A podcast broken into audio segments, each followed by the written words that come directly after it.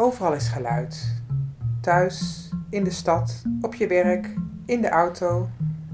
Het ruist, het gonst, het fluistert, schreeuwt en vult de ruimtes waarin we leven.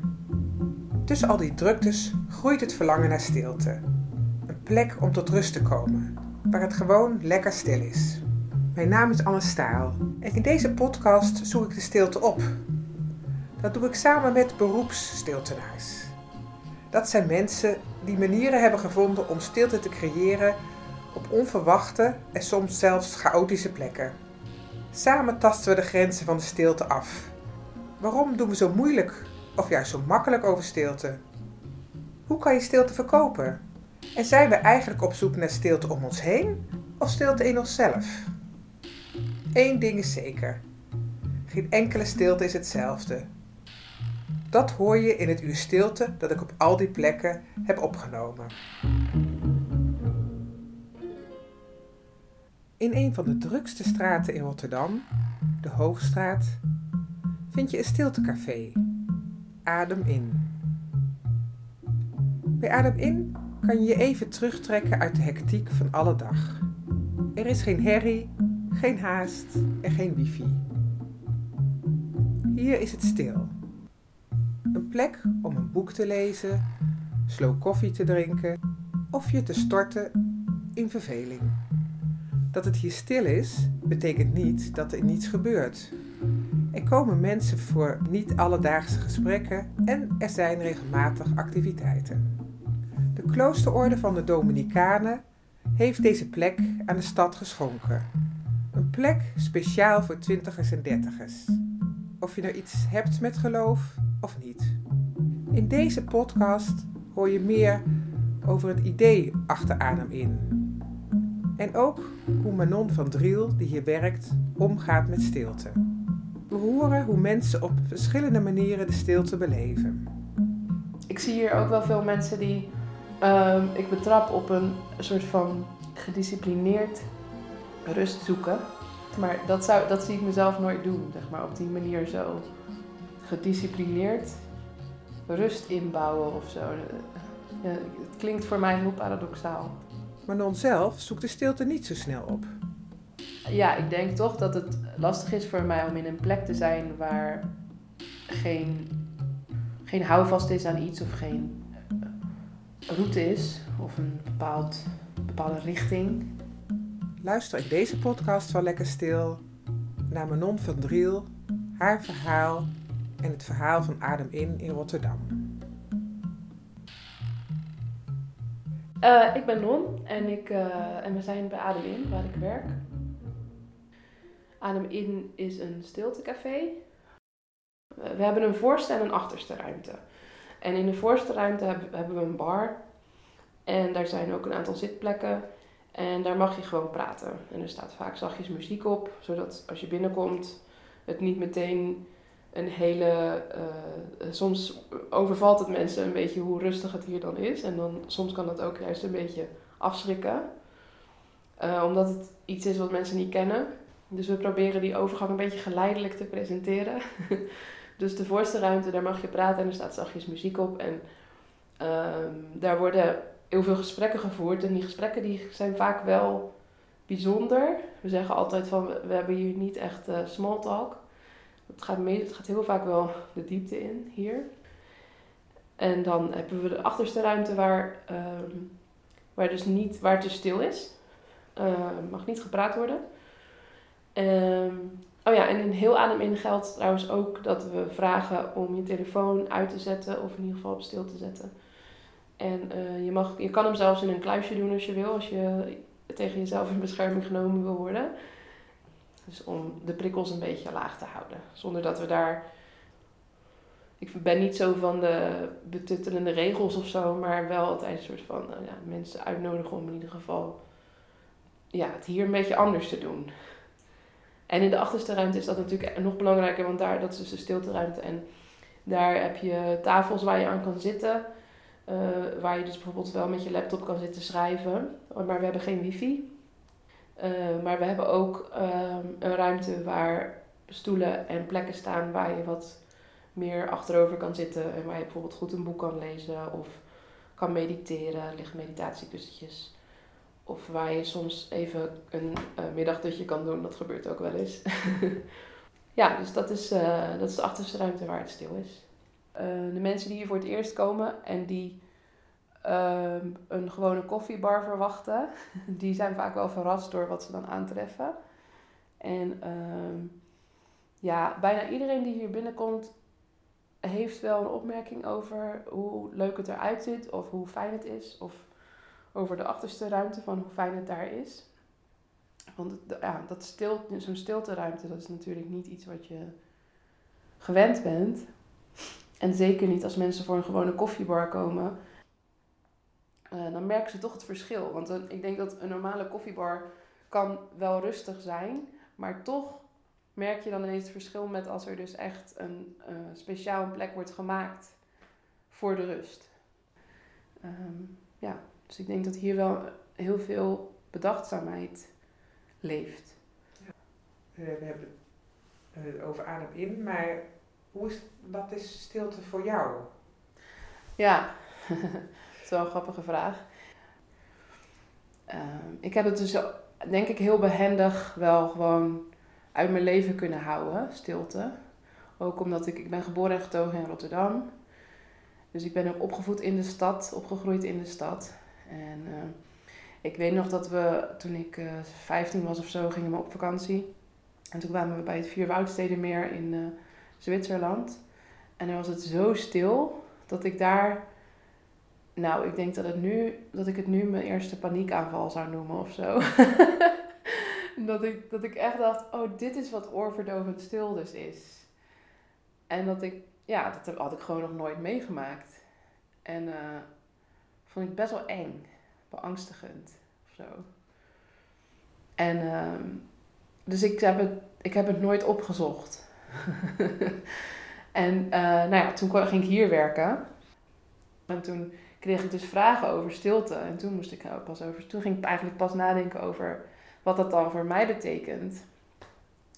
Maar ik vind het nog steeds moeilijk. Want ik ben, ik moet je bekennen dat ik niet veel in de stilteruimte zit op het moment dat het echt stil is. En dat is natuurlijk in eerste instantie omdat ik hier werk, dus dan is het, ja, dan is je relatie met een plek anders. Maar ook gewoon omdat ik uit mezelf niet iemand ben die uh, stilte opzoekt en in de stilteruimte gaat zitten omdat ik het veel te confronterend vind, denk ik. En omdat ik dan niet zo goed raad met mezelf weet. Ja. En wat, is, wat vind je dan confronterend? Um, het feit dat de leegte, denk ik. En dat is denk ik ook als ik terugdenk aan die tijd, aan toen ik 15 was en bij het Vier meer dat er ineens zo'n leegte op me afkwam van als er dus geen geluid is. Nou ja, daar, kan ik me dus, daar kun je je dus niks bij voorstellen als je het nooit hoort. maar het is echt wel intens. Dat, is veel, dat was veel betekenisvoller dan ik, dan ik dacht, dan ik kon weten, zeg maar. En zo stil is het hier niet, als bij het Vierwoudstedenmeer. maar uh, ja, ik denk toch dat het lastig is voor mij om in een plek te zijn waar geen, um, geen houvast is aan iets of geen route is of een bepaald, bepaalde richting. Um, dat het echt een soort vacuüm is, zeg maar, waar je, waar je even in bent. En waarbij dus de orde, de orde die, je heel erg gewend, die ik heel erg gewend ben, van, hè, net zoals bijvoorbeeld dat we nu dat gesprek hebben, dan is er een begin, midden, eind en we hebben het ergens over, we komen ergens, we, nou, en uiteindelijk ronden we het gesprek af en dan zeggen we ook, er is altijd een soort van voorspelbare uh, gang van zaken. En in dat vacuüm is dat er niet. En dan denk ik, nou ja, wat moet ik hier nou doen? Huh? Ik snap het niet meer. wat moet ik hier nou doen? Waarom is dit? Is wel heel leuk hoe je dat zegt, ja. Ja. ja. Ja, ik zit nu heel erg te denken over waar stilte voor mij wel altijd in terugkomt, is bijvoorbeeld tijdens gesprekken. Omdat ik wel, als ik bijvoorbeeld uh, gespreksgroepen leid, uh, doe ik dat heel langzaam. Dus ik ben wel, dan laat ik heel graag stiltes vallen. En ik doe ook heel graag oefeningen waarbij stilte heel erg aanwezig is. Dus bijvoorbeeld dat ik mensen laat spreken door middel van een token. Dus een voorwerp wat in het midden ligt en dat je alleen mag spreken als je het voorwerp hebt gepakt. En dat dan niemand anders iets mag zeggen. En dan leg je het voorwerp weer terug. En dan is het weer stil totdat iemand weer iets op voelt borrelen wat ze willen zeggen. En dan wordt het weer. Dus dat is een, een oefening waar, waarin je eigenlijk met z'n allen in stilte zit. Totdat je dus iets voelt opkomen wat je echt graag wil delen. Ik, ik weet niet of je iets over wil zeggen, want, eh, maar je zei net dat je burn-out bent geweest. Ja. Was dan toen stilte een, iets fijns voor je? Of was het, ik bedoel, je had toen een ander gevoel, connotatie dan ja, dat is wel veranderd de afgelopen mhm. jaren, ja, door de, door de burn-out. Ehm, ik heb wel geleerd dat, ondanks dat ik het ongemakkelijk vind, rust en stilte misschien ook wel. Maar laten we beginnen bij rust. dat is dan een soort van stilte light. dat, ondanks dat ik het ongemakkelijk vind, dat ik het wel nodig heb. Maar daar kwam ik dus ook pas achter op het moment dat ik ja, overprikkeld was, denk ik. En overgestimuleerd en over uh, spannen. Hm. over alles. Over alle grenzen heen. Ehm, en dat ik toen ineens een heel erg zo'n je moet hier weg reactie kreeg van mijn lichaam als, uh, als uh, omgevingen te druk waren of als er te veel van me werd gevraagd of als ik te veel dingen tegelijk moest doen. Uh, op allerlei manieren. Dat kon zich uiten in als ik in het openbaar vervoer zat, dat ik eruit wilde omdat ik ging hyperventileren of moest huilen. Maar dat kon zich ook uiten in dat ik achter de computer zat met een aantal tabbladen open en dat ik gewoon een uur lang alleen maar voor me uit zat te staren. Dat was ook een soort van wegtrekkende, je moet hier weg beweging. En um, toen moest ik dus wel uh, gaan kijken van hoe kan ik dus, hoe kan ik dan dus afbouwen of hoe kan ik dat verdragen. En uh, op, op het moment dat ik echt, dat de stoppen doorsloegen, zeg maar, kon ik dat goed verdragen. Want toen wil, kon ik gewoon niks meer. Of, nou, maar dan is er niet eens echt sprake van een constructief uh, omgaan met rust en stilte. Want het is gewoon op dan leer je er wel in te zijn in die rust en stilte. Maar ja, die ben je eigenlijk te stuk om daar iets uh, uit te kunnen halen nog, zeg maar. Dus dat kwam dan langzaam maar zeker. En toen het weer wat beter met me ging, toen uh, kon ik weer wat meer nadenken over het inrichten van mijn dag en het inrichten van mijn leven. En toen ben ik dus bewust uh, gaan nadenken en gaan plannen. Uh, rondom het thema rust voor mezelf en alleen zijn.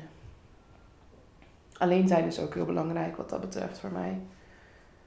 Uh, voor mij maakt het ook heel veel verschil of je in een stilteruimte zit alleen of in een stilteruimte met iemand naast je. Uh, dus, en dat alleen zijn, dat is niet. Uh, dat, heb, dat heb ik nooit prettig gevonden. En nu vind ik het nu merk ik dat ik nog steeds niet uit mezelf er naartoe ga. Want ik heb nog steeds een soort van, van nature, nou ja, dat noemen ze misschien extravert zijn. Van nature als er iets gebeurt of als ik iets wil verwerken, dan ga ik daarmee naar buiten. En dan ga ik met mensen praten. En dan...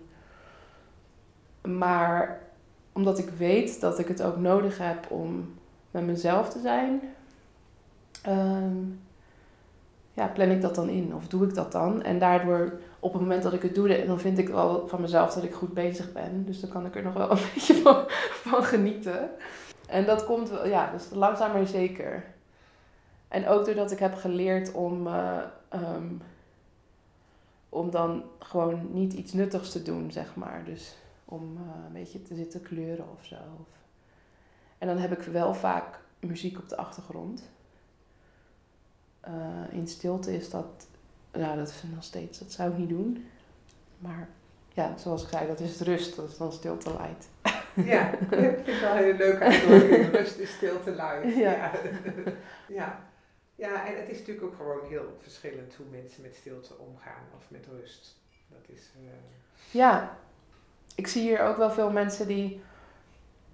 ehm, ik betrap op een soort van gedisciplineerd rust zoeken.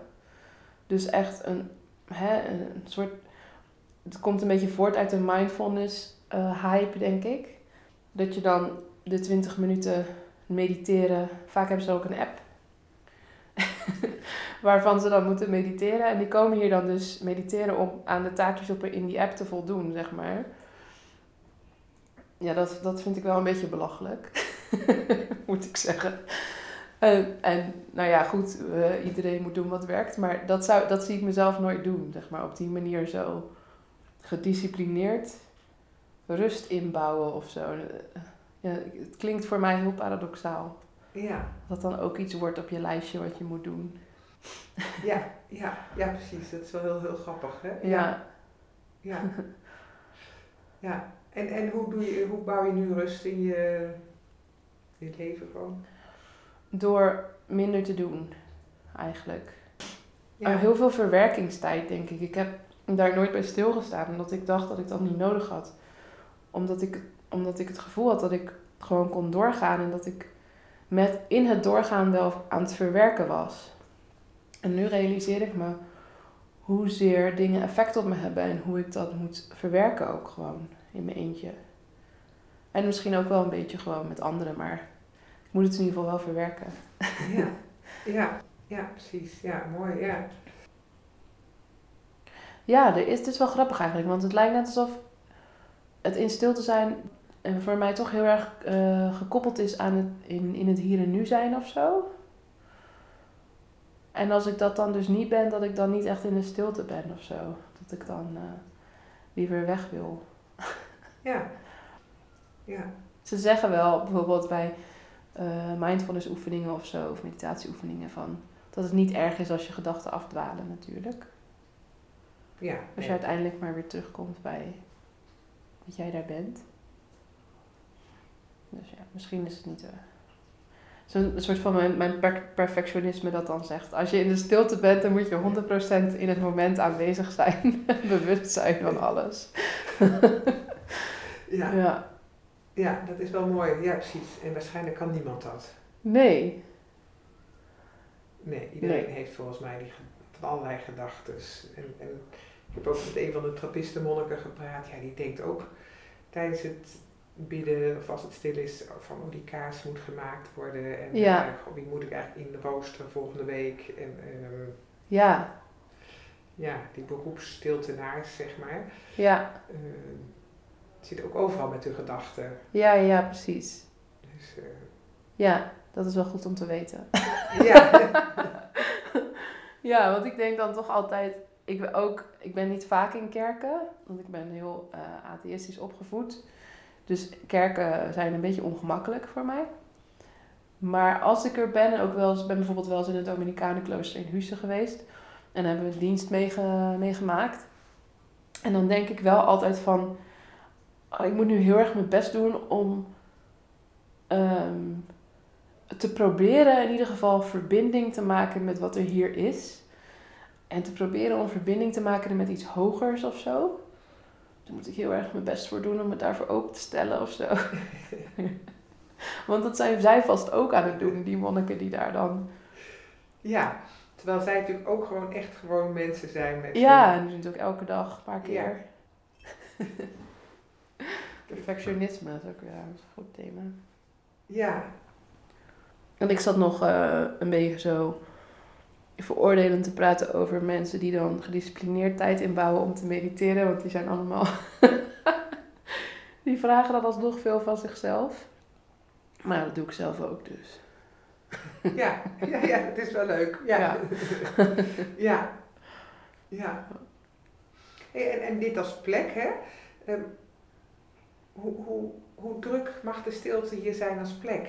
Wat zou voor jou ideaal zijn? Hoeveel mensen er zouden moeten komen? Ah, qua bezoekersaantallen. Ja, Nou, ik vind het nu wel ideaal eigenlijk. Soms mag het wel iets drukker. Uh, maar dat heeft ook met een gevoel van zingeving voor mezelf, denk ik, te maken. Van gezien worden als plek. Uh, de evenementen zijn wat mij betreft druk genoeg. Omdat het, nou ja, 15 tot 20 mensen is meer dan genoeg om een goed gesprek mee te voeren. Um, en overdag is het café zelf ook vaak wel druk genoeg. Er zijn meestal wel een aantal mensen in de voorste ruimte. En als die met elkaar praten, dan is dat al best wel uh, vol. In de stilteruimte is altijd wel ruimte nog voor meer mensen. Dus ja, dat zegt ook wel wat misschien. Ja, daar zit, ja. Dus in principe zou het daar nog wel wat drukker mogen kunnen. Ja. Ook. Maar is het niet, zit, zit ik niet te denken, is, heb je eigenlijk juist niet in die stilteruimte meer ruimte nodig voor jezelf? Ja, ik denk wel dat als het, het zou kunnen dat als het drukker wordt in de stilteruimte, dat het minder fijn is. Dat zou wel kunnen. Ja. Denk zeker wel. Ja, ja. Dus het kan technisch gezien wel, maar het zou kunnen dat het dan toch wel aan waarde verliest. Ja. Ja, het lijkt wel of die stilte meer ruimte nodig heeft dan als je met elkaar te kletsen bent. Of, ja. Uh... Ja.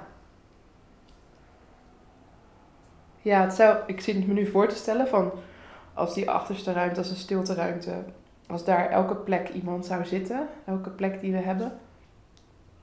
En dat zou bijna, dus daar denk ik onmogelijk. Het zou heel gek zijn. Dan wordt het bijna een soort van collectieve oefening. En dan zit je meer met elkaar dan dat je dus in je eentje in stilte zit. Ja.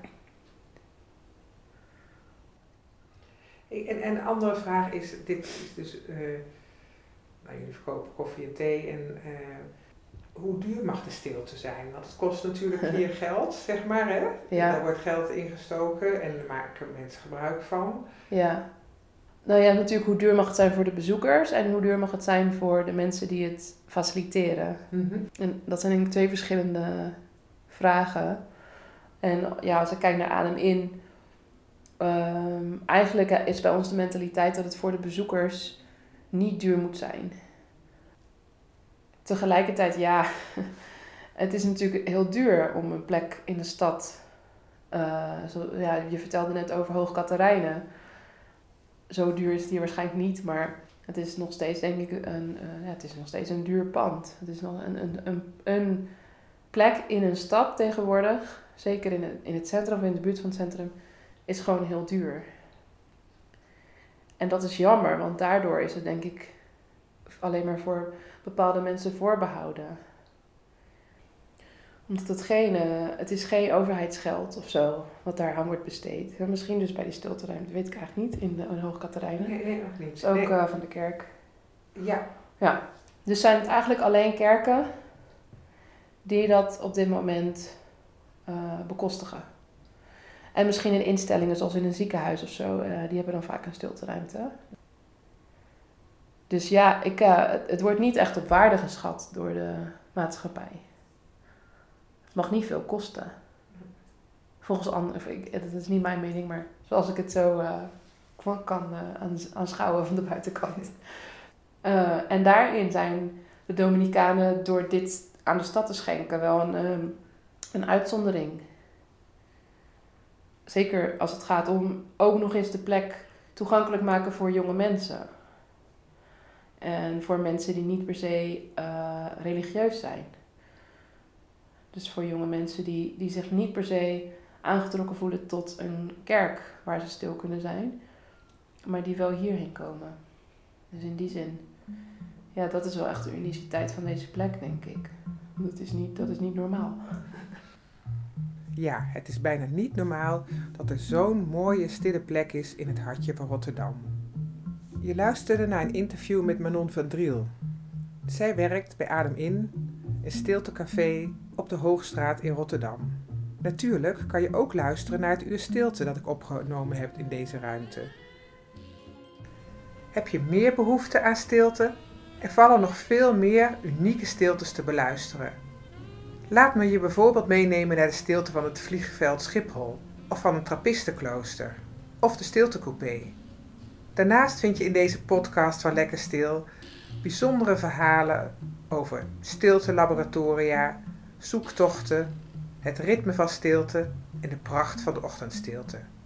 Verrassend hoe stilte mensen kan verrijken. Je vindt het allemaal in deze podcast-app. Veel plezier!